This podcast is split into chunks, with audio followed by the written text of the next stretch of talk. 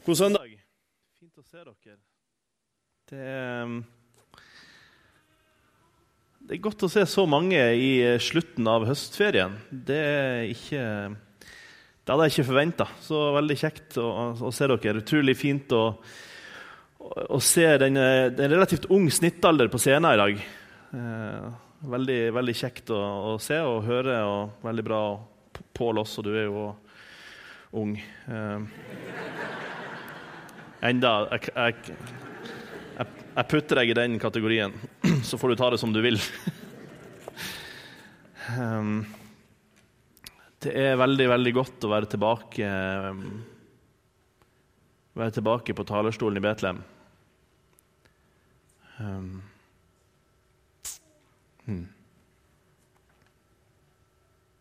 Hmm. Ja, uh, vi starter med å be litt. Kjære Jesus. Vi trenger at du møter oss nå med Din Hellige Ånd. Herre, jeg ber om at du åpner opp det som du trenger å åpne opp i våre liv for at vi kan ta imot det du har for oss i dag. Herre, jeg ber om at du må gjøre meg hellig og ren til tjeneste for deg foran din trone nå. Hjelp meg til å tale rett og ta ifra meg mitt eget og fyll meg av deg, Herre. Hjelp oss til å være her og nå sammen med deg. I ditt hellige navn, Jesus. Amen. Det er Dere som var på uh, YA ikke så mange som var på YA på fredag. De, de legger merke til at det er samme, samme tale i dag. Og Grunnen til det er, det var faktisk ikke for å spare tid, men det var, det var faktisk fordi jeg ble så minnet om jeg, Det er noen uker siden, faktisk to og en halv uke siden jeg begynte å tenke på hva jeg skulle tale om på YA. Um, som regel så har ikke jeg et tema klart før to dager før. Jeg vet det er frustrerende for de som skal lede møter, og sånn. men sånn er jeg litt. Og, da, og så satt jeg for to og en halv uke siden og så satt jeg i bilen. Og Plutselig så datt det ned i meg, du, for jeg vet de har hatt noen lignelser på YA. Og så datt det ned i meg denne, denne historien her som jeg, jeg husker eh, så altfor godt holdt jeg på å si, fra barndommen min. Bare datt ned i hodet mitt. Og, og Idet jeg kommer hjem, så tenker jeg men jeg, må, jeg skal også ta også, og begynte liksom tankeprosessen på den. Og Så kom jeg hjem og så tenker jeg, jeg, må, jeg skulle tale på søndagen òg, så jeg må sjekke hva er søndagens tekst. sånn at jeg kan forberede meg på det også. Og Idet jeg kommer hjem, så ser jeg at dette er søndagens tekst. tenkte jeg, Det tviler jeg på at det var tilfeldig. Um, så da, da, ble det sånn. Det er en, eh, det er en sterk tekst, en, en alvorlig tekst. Eh, og Vi tar og leser den i sin helhet fra eh, Lukas 16 og fra vers 19. Der står det i Jesu navn. Det var en rik mann som kledde seg i purpur og fineste lin og levde i fest og luksus dag etter dag. Men utenfor porten hans lå det en fattig mann som het Lasarus, full av verkende sår. Han ønsket bare å få mette seg med det som falt fra den rikes bord. Hundene kom til og med og slikket sårene hans. Så døde den fattige, og englene bar ham til Abrahams fang. Den rike døde også og ble begravet. Da han slo øynene opp i dødsriket, der han var i pine, så han Abraham langt borte og Lasarus tett inntil han. Far Abraham, ropte han, ha barmhjertighet med meg og send Lasarus hit, så han kan dyppe fingertuppen i vann og svale tungen min, for jeg pines i denne flammen. Men Abraham svarte, Husk, mitt barn, at du fikk alt det gode mens du levde, og Lasarus fikk det vonde. Nå trøstes han her mens du er i pine. Dessuten er det lagt en dyp kløft mellom oss og dere, slik at de som vil komme herfra og over til dere, ikke skal kunne det, og ingen kan gå over fra dere til oss. Da sa den rike, så ber jeg deg, far, at du sender ham til mine fem brødre hjemme hos min far, for å advare dem, så ikke de også skal komme til dette pinestedet. Men Abraham sa, De har Moses og profetene, de får høre på dem. Han svarte, Nei, far Abraham. Men kommer det noen til dem fra de døde, vil de omvende seg. Abraham sa, Hører de ikke på Moses og profetene, lar de seg heller ikke overbevise om noen står opp fra de døde. Jesus forteller en lignelse, en historie, sånn at de skulle skjønne et poeng. Um, og den historien her er, det er antakelig den historien som, som ga meg mest si, mareritt i barndommen. Jeg husker den så godt. Eh, fordi den teksten ble brukt av og til. Og det er, det er, ganske brutalt og ganske alvorlig, det som blir sagt her. Det som står her, det som Jesus forteller, er veldig brutalt. Et ganske skremmende bilde. Og Når jeg leser denne teksten og det som Jesus sjøl forteller oss, så tenker jeg at de som sier at det ikke står noen ting om fortapelse i Bibelen, enten så lyger de, eller så har de ikke lest Bibelen. Fordi det som står her, er ganske tydelig og klart. Det er et tydelig eksempel på at Jesus sjøl taler om to utganger på dette livet. Det er én vei som fører til fortapelse, og det er én vei som fører til liv. Det er to mulige endestasjoner for ditt liv. Men det snakkes ikke om. Vi snakker ikke om det lenger. Det skal helst ties i hjel. Og Jeg har ofte hørt argument om at nei, vi skal jo ikke skremme noen til omvendelse. Vi skal ikke skremme folk til å bli frelst. Men vet du, hvis det er sannheten som skremmer deg, så er jeg for. Hvis du blir skremt av sannheten, så kan ikke jeg være stille om det. Fordi at jeg er redd for at du skal bli skremt, eller for at du skal bli tråkka på tærne. Jeg brukte å si at hvis, hvis, hvis du føler deg tråkka på tærne av Guds ord, så kanskje det er på tide at du flytter beina dine. Og ikke at det er Gud som Fordi Guds ord står fast. Kanskje du skal ta et skritt.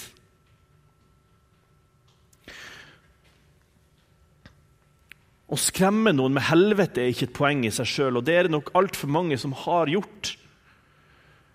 Uh, gjerne litt bakover i tid. sant?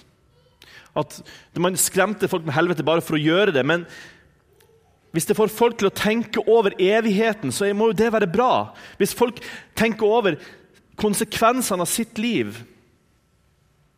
For dersom vi ikke forkynner dette og sier at nei, alle kommer jo til himmelen til slutt, det går jo bra til slutt for alle sammen, så følger vi for det første så følger vi ikke Guds ord.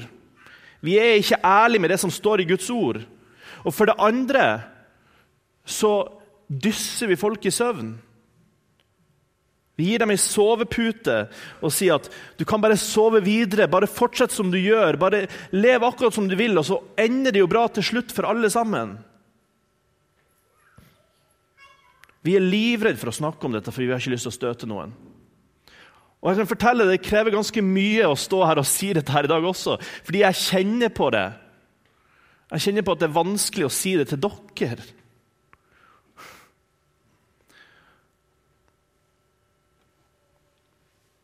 Men dette er en historie som Jesus sjøl forteller. Jeg sa det til dem på Y-a. Hvorfor, hvorfor, tror du, hvorfor tror du jeg og Bjørn Sverre eh, bruker fredagene våre, lørdagene våre, søndagene våre her i Betlehem? Tror du det er fordi det er det, er, det, det, det som vi kunne gjort, som var best betalt? Det er det ikke. Tror du det er fordi, tror du det er fordi vi har så utrolig bekvemme arbeidstider? Du, fordi vi syns det er så deilig å dra ut hver lørdagskveld eller hver fredagskveld eller hver søndag formiddag? Og I tillegg til å sitte på kontor i ukedagene. Er det pga. arbeidstiden vi har tatt denne jobben? Nei, det er jo ikke det. Vi gjør det fordi at vi bryr oss om deres sjel. Det er deres sjel som er viktig for oss. Vi bryr oss om hvor folk ender opp hen. Vi bryr oss om hvor folk skal tilbringe evigheten sin. Det, det er det som gjør at vi ikke sover om natta. Det er det som gjør at vi går i gråt i forbønn for dere, for byen vår. Fordi evigheten ligger oss på hjertet. Deres sjel ligger oss på hjertet. Evigheten. Det er vanvittig lenge. Har du tenkt over det? Har du tenkt over hvor lenge evigheten faktisk er? Evigheten Uansett, uansett hvor lenge du skal leve her på jorda, så skal du være lenger i evigheten. Uansett om du blir 120 år, så skal du være lenger i evigheten. Evigheten er for alltid. Bibelen beskriver vårt liv på jorda som når vi blåser ut et lys, og røyken stiger opp og blir borte. Så flyktig, så kort, så uhåndgripelig er våre liv. Det kan nesten ikke gripes engang. Det bare Og mot evigheten så er det ingenting. Og Det er sånn ditt liv er. Og hvordan du bruker ditt korte, korte, korte liv på jorda det har betydning for evigheten. Det har så mye mer betydning enn det du kanskje tror.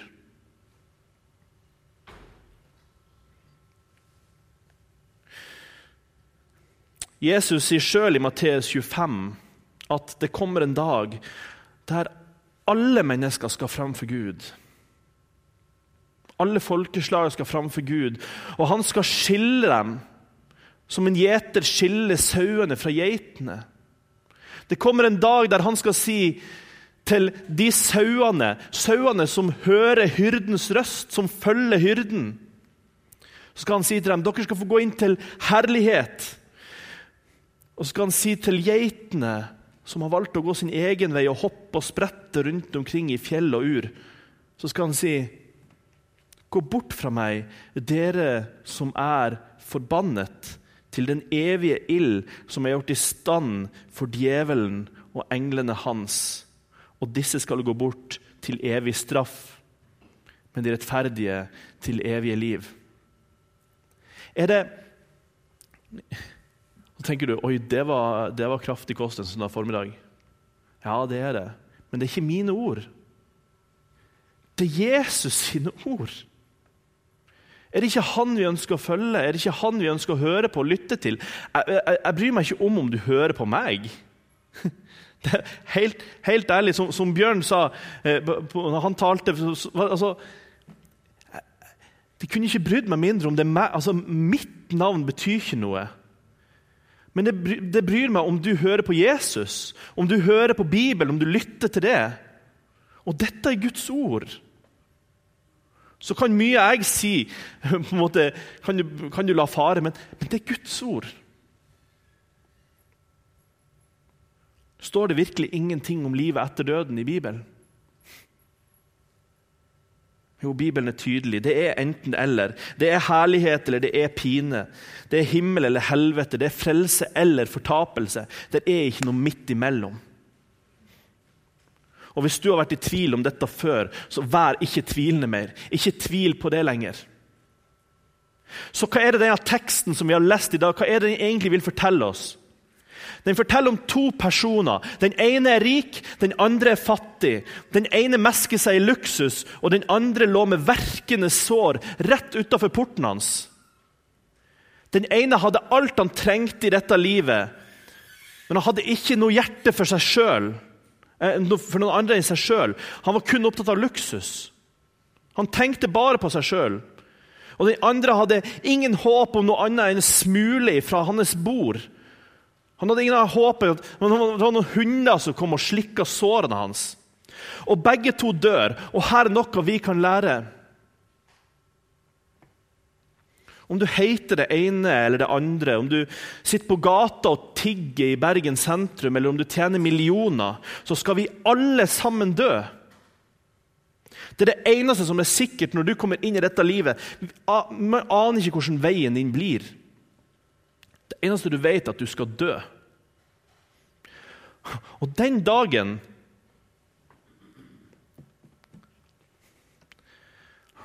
Den dagen er vi alle sammen helt like. Jesus han sier lignelsen om den rike bonden i Lukas 12, som samla sammen. Og så sier han ja, nå kan jeg kose meg lang tid. Nå trenger ikke jeg å tenke på meg på lenge. For nå har jeg alt jeg trenger.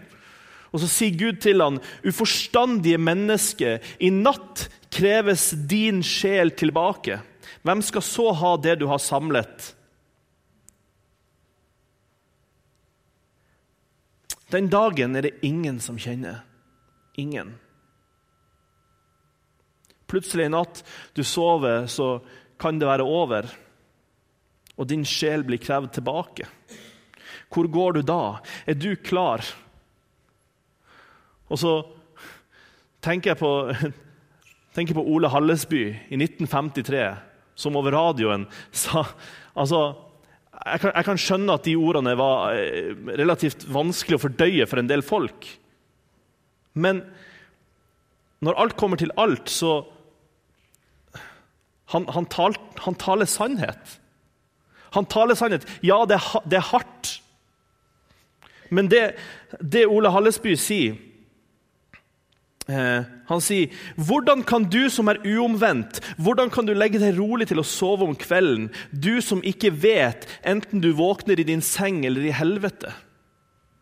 Og det er ganske hardt og brutalt. Men sånn er det.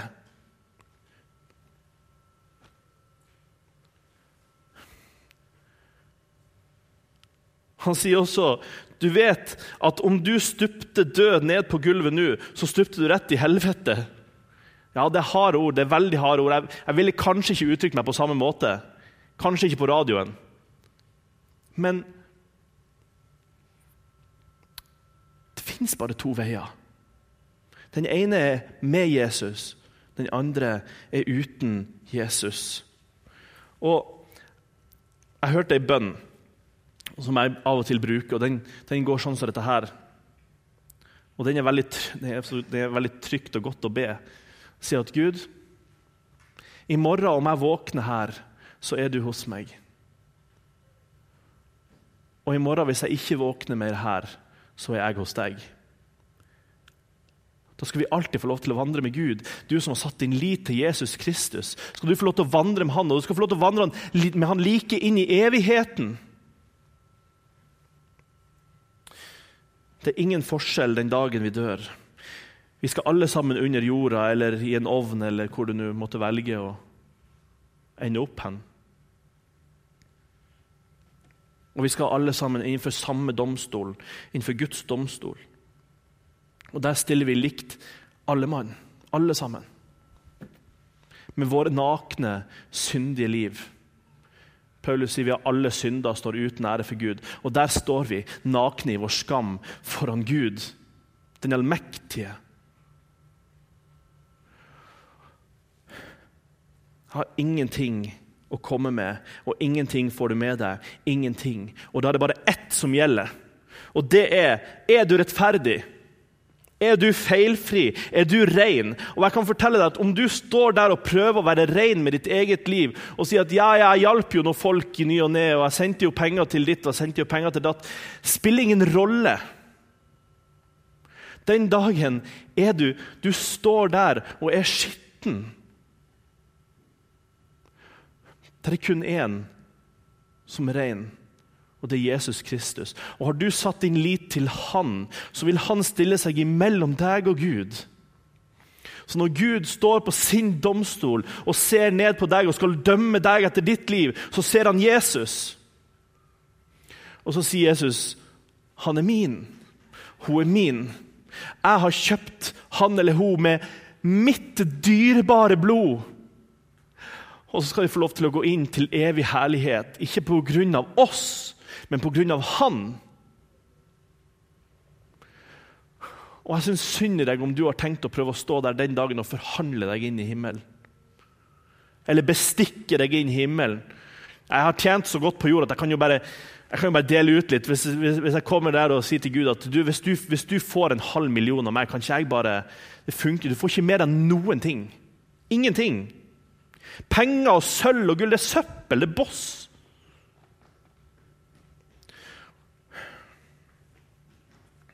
Hva har du satt din lit til mens du levde her? Og Denne teksten snakker om en rik mann som ikke kommer inn i himmelen. Og det gjør, det gjør Bibelen egentlig ganske ofte. Snakker om rike folk som det går ganske dårlig med. Og betyr, Sier det at teksten betyr det at, at, at, rike folk eh, ikke kommer til himmelen? Betyr det at, at de som har penger og rikdom, de havner i helvete? Nei, selvfølgelig gjør det ikke det. Men det er et varsel til de som har mye. For denne av de andre tekstene som det står om dette, her, handler om hvor har du hjertet ditt? Hvor er det du har ditt hjerte? Hva er det du bryr deg om? Hva er det som er viktig for deg?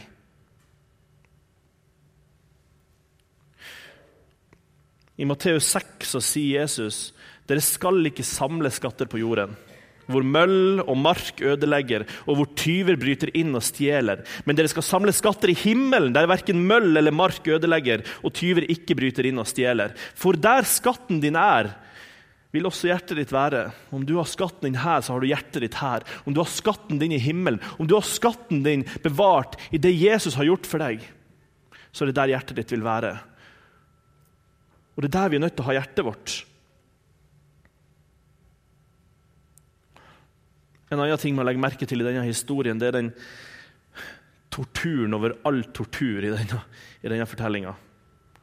Og det at den rike mannen han kunne se inn i evigheten, han kunne se inn i herligheten. Men han kunne ikke bli en del av det. Den dagen livet her er over, så er det for seint å velge. Det er her og nå du må velge, for den dagen så kanskje du må rope som denne mannen at det må komme noen over som du kjenner der oppe. Ned til dødsriket for å svale tunga di med ei dråpe vann. For ei bønn! For en pine! En dråpe vann for å svale tunga mi!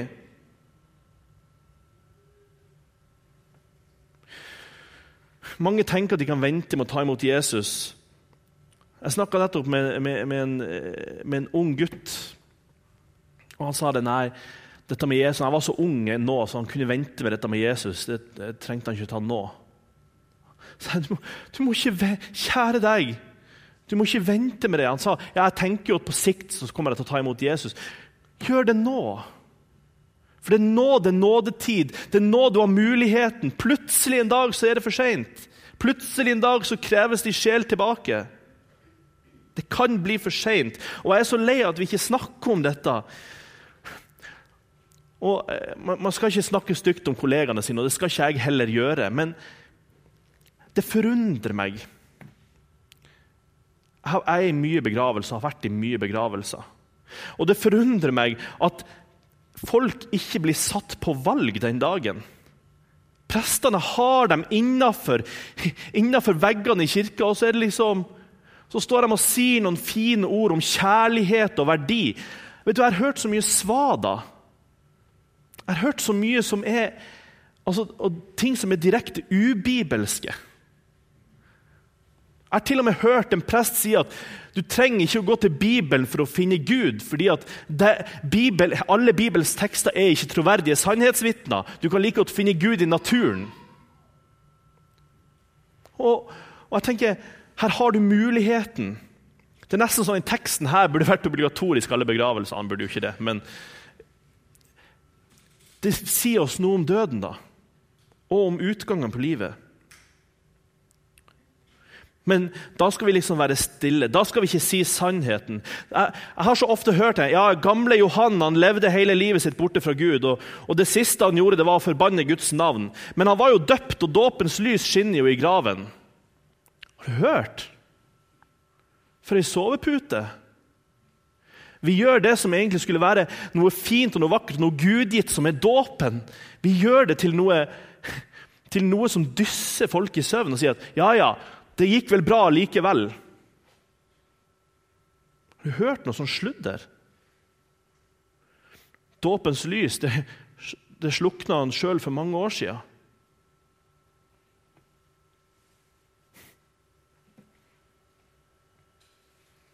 Og har du forkasta han, har du forkasta Jesus. Det er bare én som lyser i graven, og det er Jesus.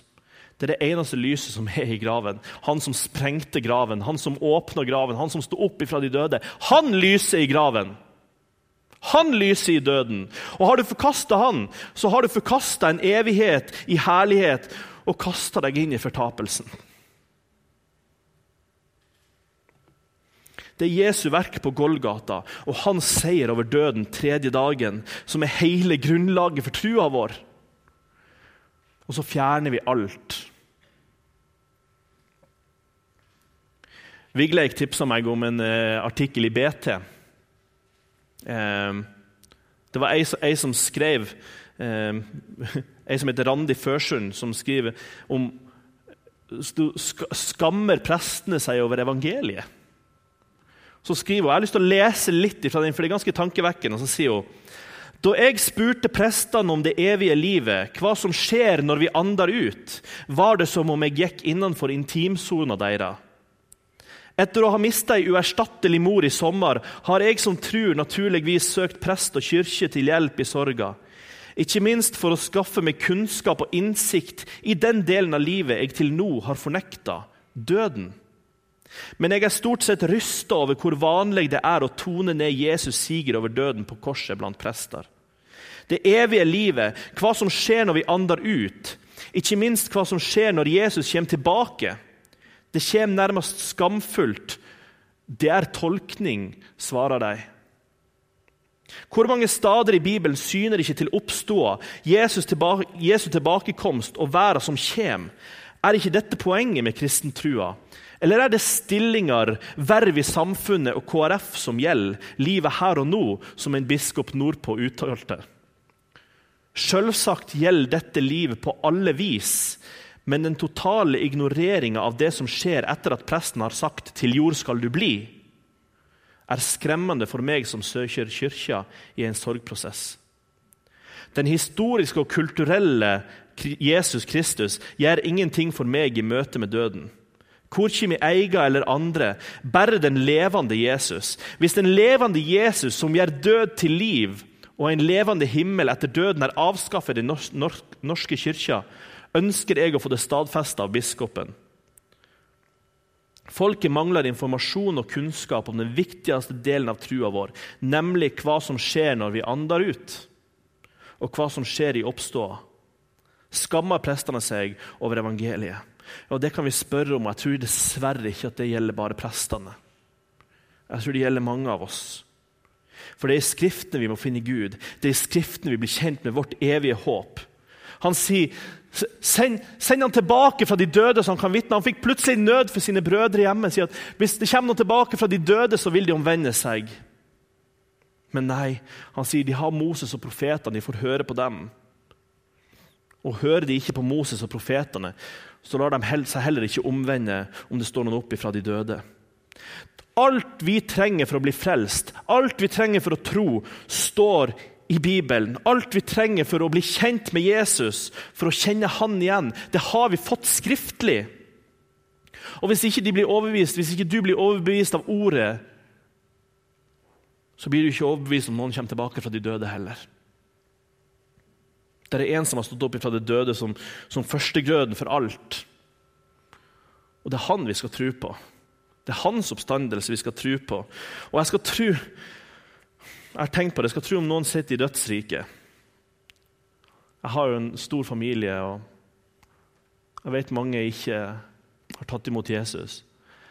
Og jeg lurer på om det er noen som har gått foran, som har havna feil sted i min slekt, i min familie, som sitter og ber denne bønna her.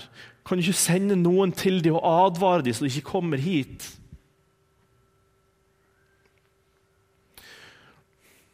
Og så får de akkurat det samme svaret. Hvis de ikke har trodd på det som står, så Og hvordan skal, de høre, hvordan skal de tro på det hvis ikke noen forteller dem? Ingen fortelle dem om det? De har Skriften, de har ordet. Det er det de må bli frelst med. Og i dag er det nådetid, folkens. I dag er det nådetid. I dag kan du ta imot Jesus. I dag kan din familie ta imot Jesus. For himmelen er virkelig, og helvete er virkelig, og Jesus er virkelig. Det er ikke en fantasi, det er ikke et eventyr. Og Er du frelst og har din sak i orden, så har du ingenting å frykte. Ingenting. Men la dette også være et kall til deg også, du som er frelst, om å åpne Skriftene for noen. Fortelle noen om Jesus. Hvorfor forteller vi ikke folk om fortapelsen og frelsen ifra det? Er det fordi vi ikke tror det, eller er det fordi vi ikke bryr oss? Hvorfor forteller vi det ikke hvis det er en virkelighet? Fortell dem. Del det. Det er du som må åpne ordet for dem. Det er du som må fortelle dem. Det nytter ikke å sende noen tilbake fra de døde. De har ordet. De har deg nå, her. Fortell dem. Advar dem. Si at du har en Gud, du har en Jesus som elsker deg så høyt. Har du plass for han? Har du rom for han? En dag så er det for seint. Og du må ikke la det bli for seint. Og jeg, har en sånn, har en sånn frykt, og det at en dag så skal min familie, de jeg kjenner som ikke tror på Jesus, komme, stå der og si i fortapelsen si, 'Hvorfor sa du ingenting?' Hvorfor, hvorfor, fortalte du ikke om dette? Hvorfor var du ikke ærlig? Det vil jeg ikke at noen skal kunne si den dagen. Derfor jeg, derfor jeg, jeg sier det, jeg advarer, jeg sier fra om det, jeg forteller om en frelse. Derfor jeg er her, det er derfor jeg er pastor her. Ikke for, å, ikke for at dere skal føle dere bra med dere sjøl og at gi dere masse sjøltillit og at sjølbildet dere skal bli bygga opp. Jeg bryr meg ikke så veldig mye om akkurat det. altså. Beklager. Jeg bryr meg om sjela di. En dag er det for seint. Ikke La det bli for seint.